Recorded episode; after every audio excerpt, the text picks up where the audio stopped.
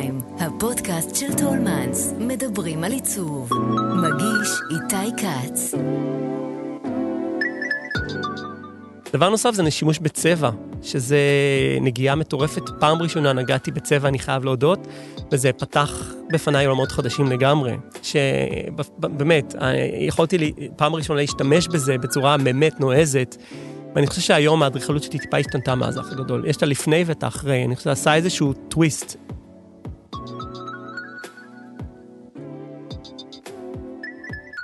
שלום לכם, אני איתי כץ ואתם על T-Time, הפודקאסט של טולמנס, שבו אנחנו פוגשים אדריכלים, מעצבים ויוצרים לשיחה מרתקת על עיצוב, אדריכלות, סגנון חיים ותרבות ישראלית. והיום איתנו האדריכל ערן בינדרמן, בעלי המשרד שנושא את שמו, ואם שמו מצלצל לכם מוכר, זה גם בגלל בית האח הגדול שערן עיצב במשך כמה עונות.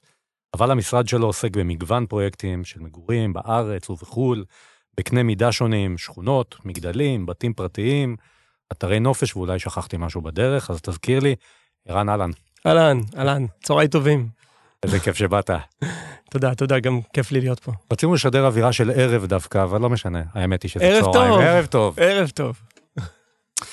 אה, על מה, על מה אתה עובד עכשיו, ממש הרגע לפני שנכנסת לכאן לאולפן? וואו, המון, שלל דברים. עכשיו אה, בדיוק סיימתי פגישה סופר מעניינת עם אדריכל נוף אה, חיים כהן, על איזה בית גדול שאנחנו עושים בנאות אפקה.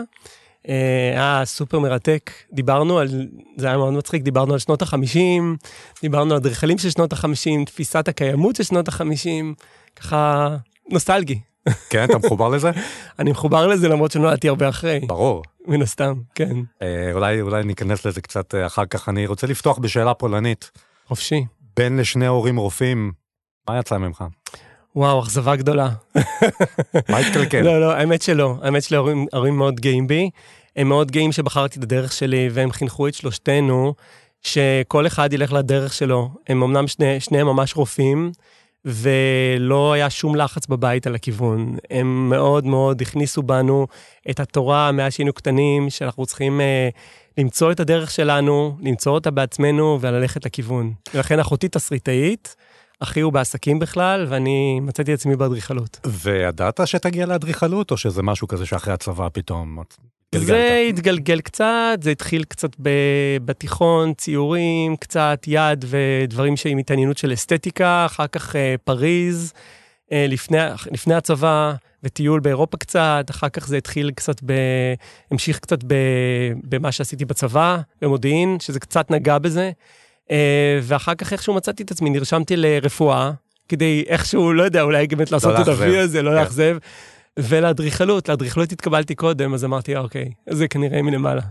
שזה טכניון, נכון? טכניון, כן. ואז מהטכניון אה, הלכת ללמוד בברטלט, נכון? עשיתי הפסקה בין הדברים, בין התואר הראשון לתואר השני. הייתי קצת, אה, במש... עבדתי במשרד, בשני משרדים, משרד בנווה צדק, אצל ניב ארצי, ואחר כך עבדתי בליר אדריכלים ביפו. קצת לגעת בכל מיני תחומים, ואז מצאתי את עצמי רוצה קצת יותר. רוצה קצת למצוא את עצמי יותר, את הדרך יותר, לפתוח את עצמי, אולי בהמשך טיפה אקדמיה, אז המשכתי ללונדון, לברטלט, לפיטר קוק, האגדי. באמת אגדי. אגדי. הוא אמור להגיע ממש מחר לארץ, מארחים אותו כנראה. הוא, אני שומר על קשר טוב איתו. אז מה לקחת מפיטר קוק ומה לקחת מברטלט? המון, המון. האמת שהברטלט פתח לי את הראש לחלוטין, בכל המובנים. ברמה שאין גבול. אה, אין גבולות לדמיון, וצריכים אה, באמת לחזור לילדות קצת, וקצת לנקות את כל מה שמערכת החינוך עושה לנו, ולמצוא את האני האמיתי שלך, ואת הפנטזיות הכי כמוסות שלך, ובעצם לפתח אותן, וללכת, אה, לא לקבל שום דבר כמובן מאליו, לשאול מלא שאלות. ואפילו דברים שנראים לך הזויים, יכולים לקרות מחר. ואפשר לגרום לזה לקרות. אז למי שמאזין לנו, ונגיד עכשיו סטודנט לאדריכלות, או, או מישהי שרוצה ללמוד אדריכלות, זה משהו שאתה יכול לתת איזה טיפ לעניין הזה של נגיד לימודים כן. כאלה אה, וכאלה? לגמרי. קודם כל, כנות, אה, להיות מאוד כן עם עצמך ולמצוא את האני שלך האמיתי, הפנימי, מה אתה רוצה לעשות, מה האג'נדה שלך, זה אחד.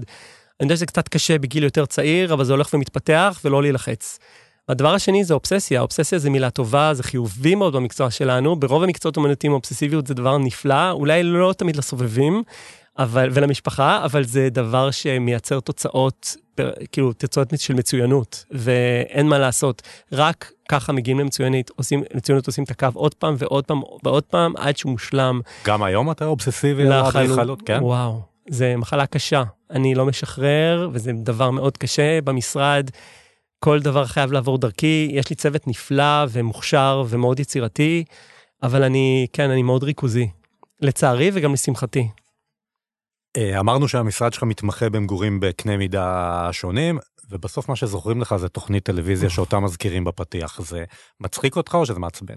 לא, זה בכלל לא מעצבן, לגמרי לא, אני מאוד גאה באח הגדול. האח הגדול אה, החזיר אותי קצת לברטלט, אחרי הרבה מאוד שנים של עבודה במשרד אה, עם לקוחות. פתאום חזרתי ללימודים של הברטלט, משהו כמו, לדעתי זה היה קרה משהו כמו 15 שנה אחרי הברטלט, וזה החזיר אותי לימים הסטודנטיאליים שלי, שאפשר לעשות הכל, אה, ואפשר להמציא את עצמי מחדש, ואפשר לפתח פנטזיות משוגעות. והאמת שהדבר שאני הכי גאה בו באח הגדול, קודם כל זה, זה, זה התמודדות עם טלוויזיה, אה, זה שונה לגמרי. זה, קצת דיברתי על זה באיזה פגישה לא מזמן, על נושא השני ממדים, שלושה ממדים ושניים וחצי ממדים. זה דבר מאוד מעניין, תפיסה של מצלמה. אז אה, מאוד מאוד למדתי מזה הרבה, איך, איך מצלמה בעצם תופסת אדריכלות, איך מצלמה תופסת חלל. ואיך הפרשנות שלנו בתור צופים על זה. ומעבר לזה, באח הגדול זה היה עוד יותר מעניין, בגלל שיכולתי לראות ולצפות על הבית, כמו האח הגדול ממש. אני ישבתי בסלון שלי וראיתי איך משתמשים בחללים שלי זהו, לראשונה. זהו, שזו הזדמנות שהאדריכל לא יכול לקבל לא, לעולם. זו הזדמנות מטורפת, שאתה פשוט יושב בבית, בסלון, ואתה לא מאמין איך משתמשים בחללים ש, שאתה תכננת. לפעמים זה עבד, לפעמים דברים שחשבתי שיקרו, קרו, אבל האמת היא שזה הפתיע אותי, היו דברים שהפתיעו אותי מאוד, שקרו אחרת. מה, תן דוגמה. וואו, אה, אין לזה סוף. חשבנו שדברים מסוימים מאוד מאוד יצליחו, אה, שמיקמנו אותם במקומות מסוימים, חשבנו שזה יהפוך להיות אזורים מאוד מעניינים ושמאוד מאוד יצליחו, חלקם יצליחו, חלקם לא. אה, הכנסנו איזה ברווז מטורף לתוך הבית, חשבתי שזה יהיה סתם איזה גימיק, וזה הפך להיות כאילו ממש אה, כאילו לב הבית, הדבר הזה. רכבו עליו, ניסו למשוך אותו לתוך הבריכה. אה, גם החדר, גם חדר השינה, אני חייב להגיד שהפתיע אותי מאוד, דרך השימוש של מה שעשו שם. אה, זה, זה, זה מרתק, זה פשוט מרתק, אפשר לעשות איזה סדרה שלמה על הדבר הזה. אבל משהו מזה, אפילו לא, לא, לא, לא במושג של פרט, אבל לקחת מזה משהו הלאה, כאילו בתור אדריכל ההבנה הזאת, כי זה באמת, למי יש הזדמנות בתור אדריכל לתצפת לבית שהוא עשה ולראות איך אנשים גרים בו, משתמשים. Uh, בנושא הזה קצת כן, אני חושב שזה לימד אותי קצת לפקפק בהנחות היסוד שלי לגבי דרך השימוש של בית או, או מגורים בכלל, איך שאני חושב שמשתמשים בזה, ובעצם לשאול שאלות קצת יותר אולי אישיות נוקבות, גם את הלקוחות שלי, לנסות להיות יותר מחובר למציאות ברמה הסיזיפית היומיומית. אה, איפה שמים את הנעלי בית, ובאמת זה יעבוד, זה לא יעבוד, באמת לשאול אותי שאלות, לשאול את עצמי שאלות יותר קשות. דבר נוסף זה שימוש בצבע, שזה נגיעה מטורפת. פעם ראשונה נגעתי בצבע, אני חייב להודות, וזה פתח בפניי עולמות חדשים לגמרי, שבאמת, אה, יכולתי לי, פעם ראשונה להשתמש בזה בצורה באמת נועזת. ואני חושב שהיום האדריכלות שלי טיפה השתנתה מאז האח הגדול. יש את הלפני ואת האחרי, אני חושב שזה עשה איזשהו טוויסט, איזשהו שינוי פאזה. השתחרר משהו, וזה נבנה כמובן בשכבות, כמו שאנחנו בנויים בשכבות וזמן והכל, אבל אני חושב שזה עשה משהו באדריכלות ובהסתכלות שלי על חלל ועל אור אה, ועל הזדמנות. אה, פתח משהו קצת יותר, אולי פחות רציני בצורת העבודה שלי על, אה, מול חלל ומול לקוח. מעניין, זה גם בעצם לתכנן בית להמון אנשים, נכון? זה כאילו בית עם אה, traffic הרבה יותר גבוה של אנשים מאשר בית... אה... רגיל. נכון, ואתה גם לא כל כך יודע מי הלקוח שלך, כי כשאתה מתכנן בטח גדול, אין לך מושג מי הדיירים. ולכן, זה, אני לא רגיל לזה, כי בדרך כלל כשאתה מתכנן בית, יש לקוח, אתה מתכנן מול מישהו, ויש לך איזשהו כזה פינג פונג עם הבן אדם, איזשהו דיסקורס, וזה לא, לא המקרה. ואתה יודע, נורא רציתי לשאול שאלות, מי זה הולכים להיות הדיירים, מה הגיל שלהם, כמה, כאילו, מי, מי האנשים הולכים להיות, למי אני מתכנן. וזה היה קצת קשה, אמ, אבל אני לקחתי את המשפט שאני אומר תמיד ללקוחות שלי, שכל בית שאני מתכנן, לא משנה מה, איך הוא נראה, אני תמיד, תמיד, תמיד אמצא את עצמי בו. כלומר, משהו מתוכי נמצא בתוך הבית הזה, לא משנה מה, ואנחנו בנויים מהמון המון המון רבדים. וגם, אני בכל בית שאני מתכנן, אני תמיד, תמיד, תמיד אשמח לגור בו. אמ, זה מין משהו שחייבים להיות כנים עם עצמנו בתור מתכננים. שאנחנו לא מתכננים רק עבור מישהו אחר, אנחנו חייבים לעשות האנשה, אמורים להכניס את עצמנו לתוך הבית ולדמיין את עצמנו חיים בתוך הבית, אחרת זה לא עובד. זה הפרויקט הכי יוצא דופן שיצא לך לתכנן עד היום? Uh, אני חושב שברמה הזאת כן, ואני חושב גם ברמה הצהובה כמובן, uh, כן, הכי מתוקשר אפשר לומר. אבל uh, לא, תכננתי דברים שונים ומשונים uh, לגמרי. היה פרויקט אחד יוצא דופן מאוד, שהאמת שהוא בסוף לא קרה, אנחנו תכננו אותו, זה בתקופה שהייתה לי שותפה רמה דותן, uh, מדהימה וסופר uh, מוכשרת, שתכננו uh, בית עבור זוג בהרצליה שלא רצו מטבח. עכשיו, uh, בית פרטי, זה לא בית שני, בית ראשון. אמרו, אנחנו לא, אנחנו, כמו שהחלטנו לא, שאין לנו ילדים, אנחנו לא רוצים ילדים, אנחנו גם לא רוצים מטבח, אנחנו לא מעוניינים במטבח. עכשיו, זה הרבה הרבה הרבה לפני עידן... הם ניבאו את uh, וולט זה, בעצם. זהו, זה לפני עידן הוולט, זה בדיוק העניין, זה לפ... הרבה הרבה הרבה קודם. ואתה אומר לעצמך, איך זה יכול להיות? עכשיו, אתה, בעניין של מה שדיברנו קודם, אתה רוצה להכניס את עצמך לבית הזה ולעשות אה, איזשהו סוג של האנשה ופרסונליזציה, ואתה לא מצליח. כי במטבח, בבית הישראלי המטבח הוא מרכז הבית. והמון המון שיחות על, המד... על הבית הישראלי, בכלל עם הלקוחות, אה, נסבות סביב מרכז הבית, הוא המטבח, הוא הבישולים. כן, זה כמעט אקסיומה. ההבסה כן. של אוכל, כן. האוכל מושך אנשים, מתרכזים סביב הבישול. אה, במקרה הזה נראה לי מאוד מוזר, אה, אבל אמרנו בעצם, למה לא? למה לא? אם הם לא יודעים לבשל והם לא רוצים לבשל, והם רק מקסימום רוצים להזמין אורחים וזה תמיד קייטרינג ותמיד... אה, בוא ננסה. אה, זה היה, זה היה לנו קצת מוזר, איכשהו זה לא, זה לא קרה, הפרויקט הזה בסוף. אה, נתקע מאיזשהם סיבות, אני אפילו לא זוכר למה, אבל זה נראה לי אחת הבקשות המוזרות שהיו לנו, במיוחד בראי עניין היהודי-ישראלי. כן, מת לראות את הבית שלהם היום. אנשים, הלקוחות הזהב. כן, לגמרי. של אחת החברות האלה.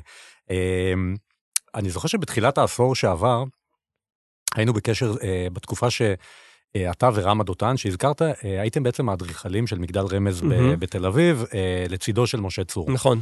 אה, וזה לא מגדל שגרתי. היה שם סיפור אה, קצת אחר, וגם המגדל ה- בצורתו, במע, במעטפתו ובנוכחות העירונית שלו בתל אביב, mm-hmm, נכון. אה, הוא לא שגרתי, די קרוב לאזור שבו אתה גם גדלת, נכון? בתור, נכון. ב- בילדותך. חזרתי לשם לאחרונה. ב- גם אתה. לגור באזור, כן. אה, ספר קצת על המגדל, על הסיפור. אה, טוב, נתחיל בזה שהייתה תחרות. אה, עשינו בית, בנינו בית ללקוח. והכוח השתתף בתוך קבוצת משקיעים שקנו את המגרש והם זכו בו במכרז. Uh, אותו לקוח, uh, ביקשנו ממנו, הפצר, הפצרנו בו שרוצים להשתתף בתחרות לעשות מגדל. לא היה לנו שום ניסיון של מגדלים אז, לא עשינו מגדלים, בטח לא מהסוג הזה. Uh, והוא אמר, תתחברו עם אחד, ה, אחד השותפים, אחד האדריכלים שאנחנו פונים אליהם, בתוך הקבוצה של התחרות, אנחנו עושים תחרות גם ככה. Uh, בזמנו אני גם לימדתי עם משה צור פרויקט גמר בטכניון מספר שנים. Uh, היינו צוות ממש טוב יחסית, אני חושב שזה היה חיבור טוב.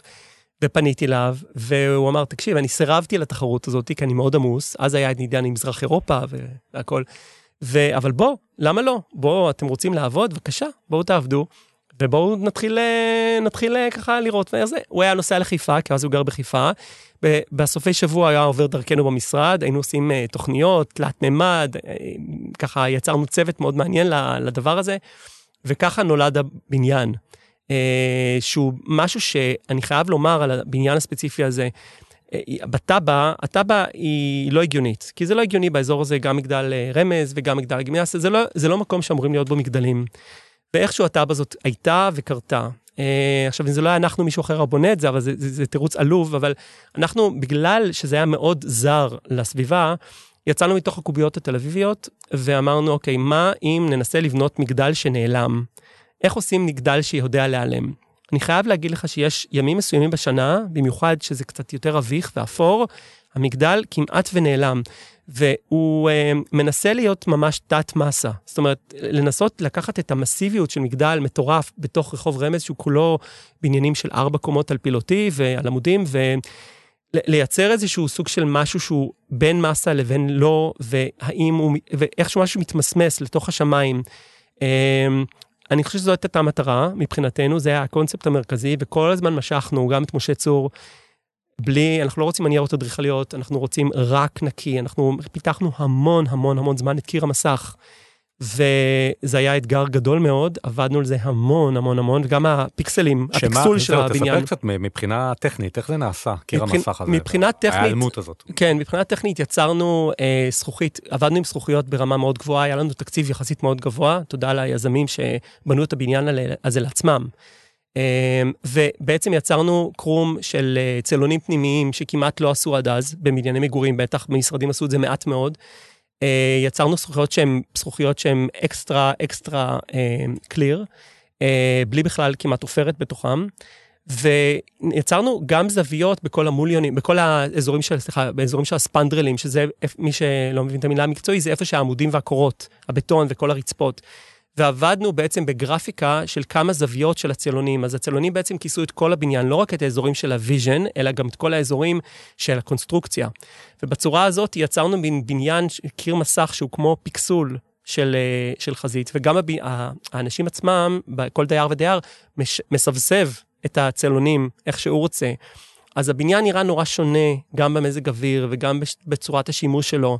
אבל הוא עדיין שומר על איזה מינימליזם מאוד מאוד נקי, כדי לגרום לקנה מידה לא להיראות כל כך מאיים. אני גם חושב שיש בו משהו מוצלח ברמה הזאת שאנחנו רואים הרבה מגדלי זכוכית בישראל, שהם נראים מצוין בשלב הייזום וההדמיות וכן הלאה, ובסופו של דבר, מול השמש החזקה של ישראל אתה רואה פתרונות מאולתרים של וילונות, פתקים, כל מיני דברים כאלה ש, שנעשים, ובעצם מכערים את הכוונה המקורית.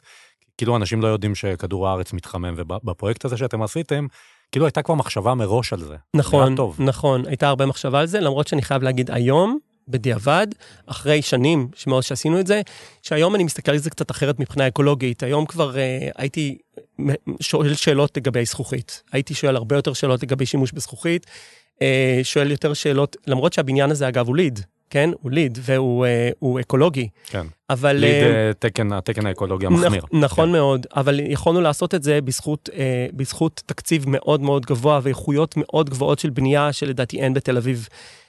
בבניין, אם לא היה לי תקציב כזה היום, לא הייתי ניגש לבניין של זכוכית, שכולו זכוכית, אול גלאס.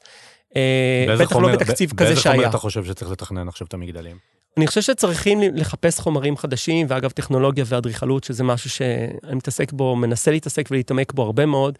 אה, צריכים לנסות למצוא חומרים שהם א', מתמחזרים, מן הסתם, אה, וגם אה, ככה, היום, היום הלוקובונד הוא השולט, כי הוא מתיישן הכי יפה, והוא האמת שבתל אביב עם כל, ה, עם כל האבק והכל, הוא נראה הכי טוב לאורך זמן, אני חייב לומר, וגם יותר ויותר בניינים עובדים עם זה.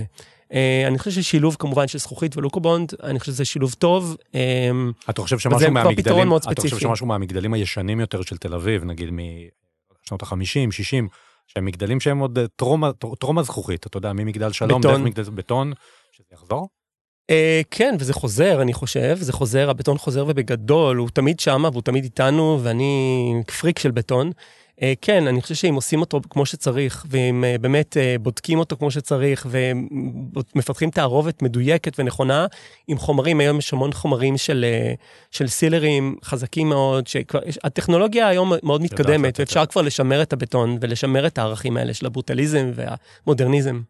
אז אחרי מגדל רמז אתה די הלכת להתמקד במגורים, נכון? כאילו, מה זה הסוג של איזה פרשת דרכים או לא משהו כך דרמטי? לא, ההפך הוא נכון, דווקא יצאנו מתוך מגורים אה, פרטיים יותר, ודווקא רמז פתח בפנינו עולמות של קנה מידה משתנים. אה, רמז היה חוויה יוצאת דופן בזכות זה שפתאום מווילות ודירות עברנו למגדל, אז הקנה מידה האורבני והקנה מידה הגדול הזה פתח בפנינו פתח אה, לפתוח, לפתוח את המשרד לעוד ועוד פרויקטים מסוגים שונים. אה, שלאחריו אנחנו התפצלנו פחות או יותר, ומספר שנים לאחר מכן, והיום אני מנהל משרד סטודיו, שבאמת המגוון של הפרויקטים הוא מורב מאוד. ספר על משהו שאתם השלמתם בשנים האחרונות, או משהו שאתם עובדים עליו עכשיו, שהוא נגיד יוצא דופן, שבא לך לשתף בו? כרגע אנחנו עובדים על מספר פרויקטים די גדול בספרד. עם קבוצת יזמות שנקראת White Spain, קבוצה סופר מעניינת, אה, מאוד מאוזנת מבחינת היזמות ומבחינת ה-developing שלה. אה, אנחנו מתמקדים בעיקר באזור דרום ספרד, בערים עתיקות כמו קורדובה, מלאגה, אה, לוקחים בניינים ישנים, עושים להם ריוס, שאותי זה, באופן אישי זה מאוד מעניין, ובעצם אה, משחזרים אותם גם ברמת השימור וגם מכניסים להם תוכן חדש של אה, או בתי דירות, או בעיקר לתיירות, או בתי מלון, הוסטלים, או אה, מלונות קפסולות, מלון קפסולות, שזה מאוד מעניין היום, כל נושא המלון מלון קפסולות.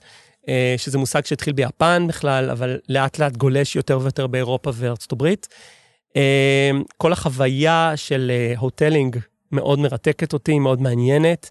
ואנחנו... שלי זה די ברור אחרי האח הגדול, דרך אגב. אחרי שראית כל כך, באמת, אחרי שראית כל כך הרבה אנשים משתמשים, רציתי לשאול אותך אם אתה לא הולך לכיוון של מלונאות, כי הוספיטליטי זה ממש המשך של זה. זה מה שאנחנו פחות או יותר עושים שם.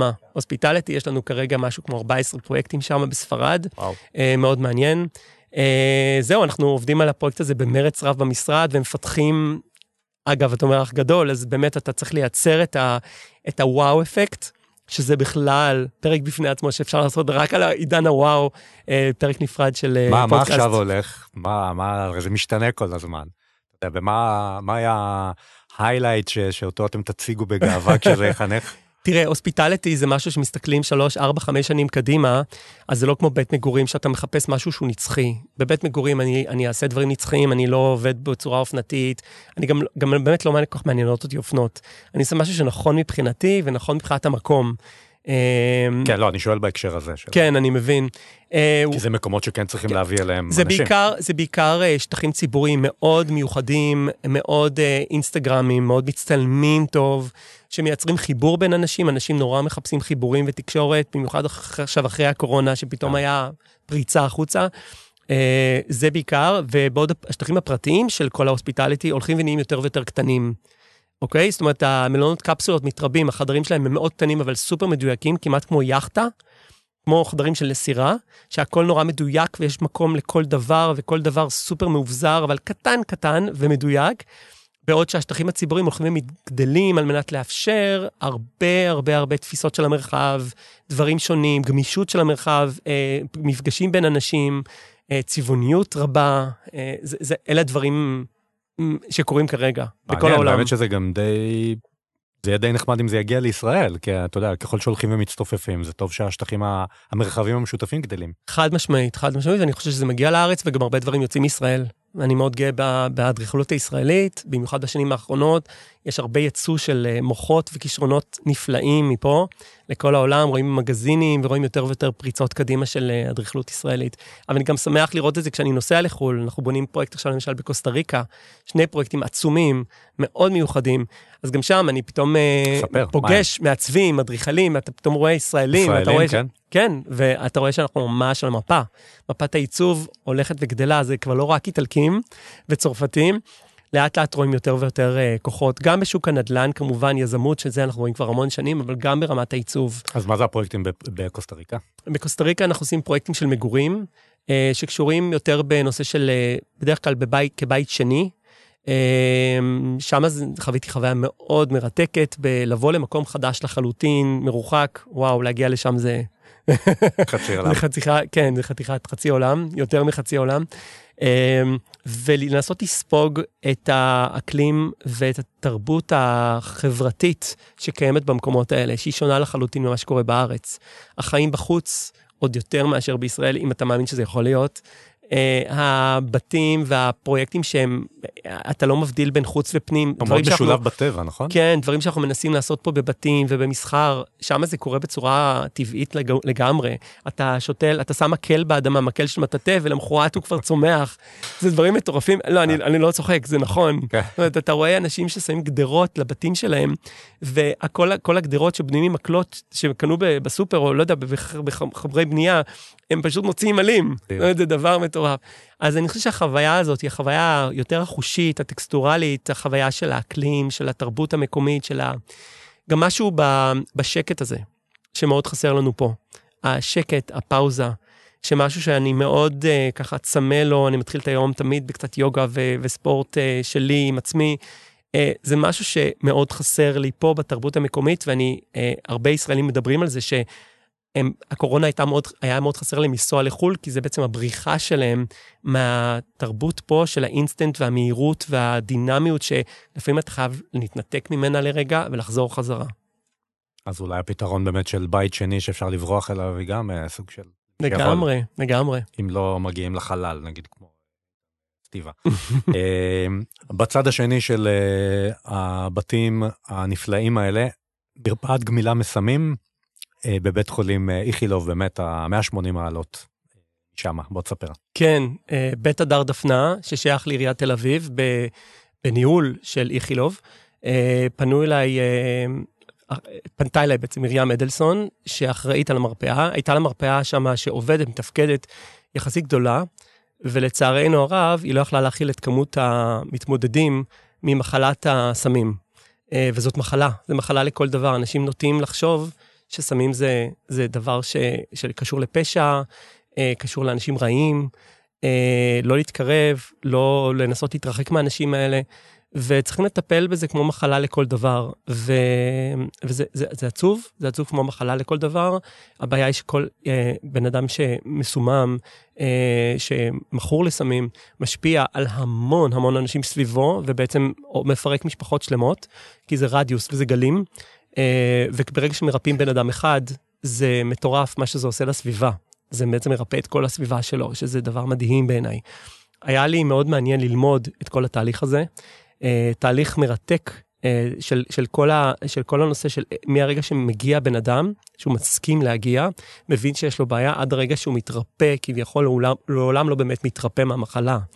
אה, זה קצת כמו אלכוהוליזם, כל התמכרות בעצם באשר היא. וכשבאתי לחלל, פעם ראשונה שהם רוצים לקחת, שהוא פי שתיים וחצי לדעתי ממה שהיה קודם, גיליתי, לשמחתי ולהפתעתי הרבה, שזאת מעבדת המחקר של אבא שלי באיכילוב. שהייתה לו לפני 30 שנה. מדהים. כן, באמת מדהים. אפילו הבאתי את אבי לראות את המרפאה, והוא התרגש מאוד, והוא ליווה ככה את תהליך האי-תכנון והעיצוב. יש משהו, ב, קודם כל, בכל תהליך הלימוד של פרויקט, במיוחד שזה חדש, שהוא מצמרר, הוא מרגש, אתה עולה עליות מורדות, אתה מנסה לפצח את הנושא בצורה מאוד חדה, ולנסות לפתח איזשהו תהליך עם המטופלים, עם הצוות, אה, המון שיחות, המון תחקורים, אה, ולייצר משהו שהוא קשור גם בעיצוב ובחוויה הטוטאלית, השלמה. אה, יש שם משהו שהוא פחות עם אגו, משהו שבאמת מנסה לייצר חוויה אמיתית, ובאמת לנסות לייצר עבורם חוויה חיובית בכל החוויה שהם, שהם תופסים את החלל, שהם צריכים להגיע לשם בעצם על בסיס קבוע. המטופלים והצוות כמובן, הצוות הזה שהוא כמו, באמת, אני לא פגשתי אנשים מלאכים כאלה בחיי. ואני מבחינה, קיבלתי המון פידבקים. מבחינה עיצובית, יובים. רצית להעביר אותם איזושהי חוויה שהיא חוויה אופטימית? היה שם את הערכים האלה? מה, כן, איפה זה נבע בעצם? כן, כן, חוויה יותר שמחה, אבל אני, כן, אבל זה, זה לקחת את זה קצת, להשטיח את זה. אמ, אני חושב מדבר על, אנחנו מדברים על יותר גמישות של חללים, אנחנו מדברים על איזה שהם אה, יותר על אה, אפשרויות של מפגשים אקראיים אה, בין אנשים. כמובן שיש את הנושא של האח הגדול שצופים בך, אז יש כמובן המון המון המון בקרה. במקום כזה. אני מבקש לא אה, להזכיר יותר את האח הגדול בשיחה הזאת. אה, אבל אני מאוד מאוד אה, הופתעתי מהתגובות שהמקום קיבל, ובמיוחד מהצוות, שהיה לי יותר קשר איתו, אבל גם יצא לי לדבר עם כמה מטופלים. אני מאוד גאה במקום הזה. נשמע מעניין וחשוב גם. ולא רחוק משם, מתחם חדש אה, באזור של מגדלי עזריאלי, נכון mm-hmm. שאתה אחראי לו? כן, ספר. מתחם ה-DNA, אנחנו קוראים לו, מתחם, אה, מה שהיה פעם נקרא שדרת איילות. היה שם פסל של איילות. אה, שזה היה פעם אה, בעצם מתחם מקורה, זה במסגרת כל השינוי שעזריאלי עובר, אנחנו התחלנו בלובעים, ואיכשהו הסתכלנו מסביב ואמרנו, אוקיי, אה, לא באים, לא באים, אבל מה קורה עם ה-in between space, שזה השטח הכי מעניין, ובדרך כלל הוא הכי מוזנח, וזה ככה היה. אנחנו מדברים על המעבר הלא ברור הזה? אנחנו מדברים על המעברים... בכניסה לשלושת המגדלים? נכון מאוד, בין המגדלים, בין המגדל העגול המשולש, יש מעבר לא ברור, שהוא אה, מייצר, אה, חל, היה חלל, חלל נוראי שם, חלל מקורה, עם מוניות ומחששה, של כל האנשים המגדלים שירדו למטה לעשן, ומזבלה קצת, אה, ודברים, כן. באמת, חוויה מאוד לא נעימה וחשוך וקודר. ואני חושב שמבחינתי, לקחת מקום קיים, חלל קיים, במיוחד אם הוא אורבני, שהוא משפיע על הרבה מאוד אנשים, ובמסגרת הפתיחה של עזריאלי גם לעיר, כל המקום נפתח לדרך בגין, ולייצר ממנו מקום חדש, הוא ה recycling, הוא כאילו הברת קיימא הגבוהה ביותר שאפשר מבחינתי לעשות, כי זה בעצם לקחת, אה, לקחת אין ולהפוך אותו ליש. אז איך? אה, לוקחים את החלל, רואים את הפוטנציאל שלו, כן? מתייחסים לסביבה החדשה שיצרנו סביבו, שזה הלובעים, החומרים שכבר היו, אה, קצת ה-DNA של עזריאלי. כמובן יוצקים את ה-DNA, שזה השם של המקום, אה, של המקום שרוצה להיות שם, ואיכשהו מחברים את הכל ביחד. אה, תאורה נכונה, צמחייה חזקה. אה, בשביל להכניס הרבה צמחייה שם, רצינו לייצר מצב שזה כמו, מרגיש כמו גן. אה, הכנסנו אה, בעצם מומחה של תאורה שמגדל אה, מגדל, אה, אה, קנאביס, אוקיי? בדרום, כדי להאיר את הצמחייה שהיא באמת תייצר פוטוסינתזה. אה, המון מקומות ישיבה מסוגים שונים, אה, משאיות אוכל, והכל עם חומריות שבעצם כבר זורמת בעזריאלי וממשיכה אותה.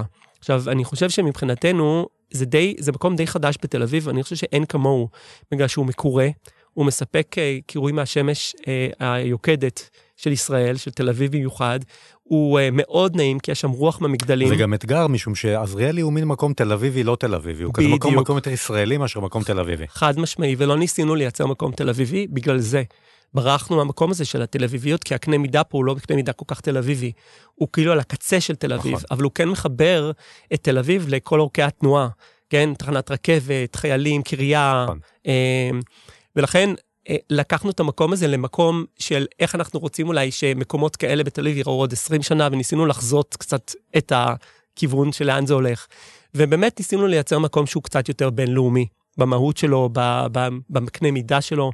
מדובר על הבר הארוך ביותר בתל אביב, הגדול ביותר בתל אביב, אה, עם מתחמי ישיבה מדהימים, שכמובן דאגנו לשיקי חשמל ו-USB להטענה, לכל דבר שאנשים באמת יצטרכו כשהם מחכים לרכבת, או מחכים למישהו שם, כי זה באמת מקום מפגש. איפה זה עומד? זה עומד שזה, אתמול הייתה פתיחה. המקום נפתח. עכשיו, עכשיו צריך שכולם ידעו מזה. נכון, המקום נפתח לפני חודש, ופתחנו אותו לציבור בהרצה, וזה כבר בעצם, אתה לא חייב לצרוך שם שום דבר, אתה יכול לעבור דרכו, אבל ליהנות ממנו ולשבת שם, ויש שם אזורי עבודה שגם אפשר לשבת שם, וליהנות ולעבוד. לראות. אה, אפרופו תל אביב, ישראל, אתה יליד תל אביב, גר בתל אביב, גרת במקומות שונים בתל אביב, אבל, אבל גם מחוץ לתל אביב. מאיפה היא באה ולאן היא הולכת בעיניך? אני רוצה לשאול אותך גם אם uh, אתה באמת חלק מהאנשים שמעצבים אותה גם. כן, תל אביב הולכת למקום טוב בעיניי מאוד, ותל אביב הייתה תמיד מיוחדת מאוד. Uh, יש בעיה עם צפיפות, כמו בכל המדינה, אבל מיוחד בתל אביב, וצריכים לתת לזה פתרונות רציניים. הרכבת הקלה כמובן אמורה לפתור את זה, אבל זה לא מספיק, אני חושב. אני חושב שקודם כל הבעיה העיקרית של תל אביב, מעבר לרכבת ולתחבורה, שכבר תכנו את זה מכל הכוונים, זה בעיה של צל. ושניסינו לענות על זה באמת בעזריאלי, כי זה יצר באמת, היה חלל קיים, מוצלל, וניצלנו אותו. אבל צל הוא דבר קשה בתל אביב שאין מספיק לדעתי. העירייה מנסה לשתול עוד ועוד עצים, אבל זה עדיין לא מספיק, צריכים לתת לזה פתרונות, צריך לדעתי לעשות עוד ועוד תחרויות לאדריכלים צעירים, לדעתי זה המקום אה, להתבטא. ולפתח את הנושא הזה, כי אחרת יהיה מאוד קשה לחיות בעיר הזאת. גם הצפיפות, הצפיפות היא באמת בלתי נסבלת, היא ברמה של, אה, של פקק אחד גדול, אבל גם ברמת הכמות אנשים למטר מרובע, אני חושב שזה הופך להיות אחד המקומות הכי צפופים בעולם. אין הגבלת ילודה, להפך, יש עידוד ילודה. וזה, וכולם רוצים לגור בתל אביב, כי פה העבודה, פה כן, החיים. כן, נהייתה עיר שקשה גם לחיות בה, מבחינת הצפיפות והבלגן ואתר הבנייה הגדול. נכון מאוד, ש... נכון מאוד, ורק באמת מי שידו משגת יכול, יכול לרכוש חיים יותר איכותיים בתל אביב. וזה חבל, זה לא, זה לא צריך להיות רק ככה. אמ, תל אביב לא נוסדה. אבל אתה לא חושב. שאולי לאורך זמן מה שזה יגרום זה שבאמת אנשים ש... אולי אנשים צעירים, אנשים יוצרים, אנשים שהם כאילו מה-creative industry, אנשים שהם מה... אה, אנשים שהם אומנים, יוצרים, צעירים, לא יוכלו בעצם להישאר בתל אביב, והעיר פשוט תאבד את האופי שלה. הכיף שלה. אני לא חושב, אני חושב שהרבה ערים עברו תהליכים דומים. אני חושב שיש משהו בתל אביביות ובים, בחיבור עם הים ובחוסר אה, הרשמיות של העיר הזאת, ש, שזה תמיד יישאר, הקסם הזה. הקסם הזה יישאר לדעתי לתמיד, אה, אבל זה יהיה גם, גם וגם וגם, כמו רוב הדברים בחיים שלנו, גם הטלפון וגם הטיקטוק וגם האינסטגרם וגם הפייסבוק וגם וגם וגם. ערן, אם אני לוקח אותך אחורה בזמן, ואתה עכשיו מסיים את לימודיך בטכניון, איזה עצה אתה נותן היום לעצמך שהיית אז? וואו, וואו, זה מאוד קשה. טיים uh, טאנל. אה, להיות מאוד כנה עם עצמך, ובעיקר לא לנסות להיות מישהו אחר. אתה בתור סטודנט, אני חושב, אתה, כשאתה מסיים, אתה מסתכל המון לצדדים. אתה עוד בחוסר ביטחון לגבי מה אתה רוצה להיות, מי אתה רוצה להיות, מה אתה רוצה לפתח. ואני חושב שאתה צריך להסתכל קודם כל עליך, על עצמך, ולהיות מאוד מאוד נעול מי אתה ולאן אתה רוצה להגיע. אם הייתה לך עוד שעה ביום, מה היית עושה? כנראה מבלה עם הבן שלי והבת שלי יותר. אה, אה, זהו פחות או יותר, עם הבן זוג שלי. אה, ואם לא היית אדריכל, מה אתה חושב שהיית? הייתה אפשרות אחרת? אה, או אומן, אני חושב שאו אומן פלסטי, או כנראה במאי סרטים. זה נראה לי כנראה שני הדברים שאני הכי מתחבר אליהם. אגב, ביום, בימוי סרטים זה מאוד דומה לאדריכלות, מאוד. הפקה ובימוי. זה תמיד בר השוואה אחד לאחד. אתה גם בתור אדריכל, אתה מביים צוות שלם של אנשים אה, עם אה, תסריט שאתה יוצר ו- ואת כל ההפקה שאתה יוצר, אבל כולם בונים את זה סביבך, כולל עד, ש- עד תהליך הביצוע. וזה מאוד דומה, זה מאוד מאוד דומה לבימוי. אולי תעשה את זה. אולי, אני אוהב להמציא את עצמי מחדש כל הזמן. זה מתחבר לי לשאלה איפה אתה רואה את עצמך עוד חמש שנים למשל. אה, אני כנראה לנצח אהיה אדריכל, כי אדריכלות זה גם התחביב שלי. אז, אה, ו- וזה ממש אה, בתוך ה-DNA שלי. אבל אני חושב שאני אהיה במקום טיפה טיפה יותר רגוע, אני מקווה לפחות בשבילי, כן, ואולי... האובססיה, האובססיה יכולה להירגע קצת, שדיברת על הפשן הזה של לעשות היא- את זה כל הזמן? אני חושב שכן, אני חושב שאנחנו מתבגרים ואנחנו יודעים למתן את עצמנו קצת יותר, אה, אבל אני לנצח יישאר ילד, אני חושב. ואולי אני אהיה ביוון על איזה אי עם איזה בית קטן נוסף שאני אוכל לעשות גיחות לתל אביב. אה, לפני סיום, ערן, אם אה, בא לך לשתף את המאזינים שלנו באיזושהי חוויה תרבותית שהשאירה בך חותם, לאחרונה, נשמח. כן, כן, למה לא? אה, לאחרונה, אני באגודת ידידים הצעירים של מוזיאון תל אביב, ואנחנו, אני פוקד את המוזיאון הרבה, רצוי, אני ממליץ לכולם, קורים שם דברים מאוד מעניינים. אז אה, אולי אה, דווקא תערוכה של אנט מסאז'ה, שהיא אמנית צרפתייה, אה, אמנית פלסטית, אה, מאוד מעניינת. יש לה תערוכה נפלאה, לא כל כך אה, כאילו ממוסחרת כאילו במוזיאון ולא כל כך מתוקשרת. אה, ממליץ לכולם. זה, אני חושב שזה מעורר הרבה שאלות מעניינות. אנט מסאז'ה, אדריכל ערן בינדרמן, המון המון תודה שבאת, תודה לך, היה לי כיף לדבר איתך, גם לי. ותודה לכם שהאזנתם. חפשו את שאר הפרקים של הפודקאסט Tea Time של טולמנס באפליקציות ההסכתים. אני איתי כץ, להתראות. האזנתם ל-T-Time, כל מה שמרגש בעולם העיצוב.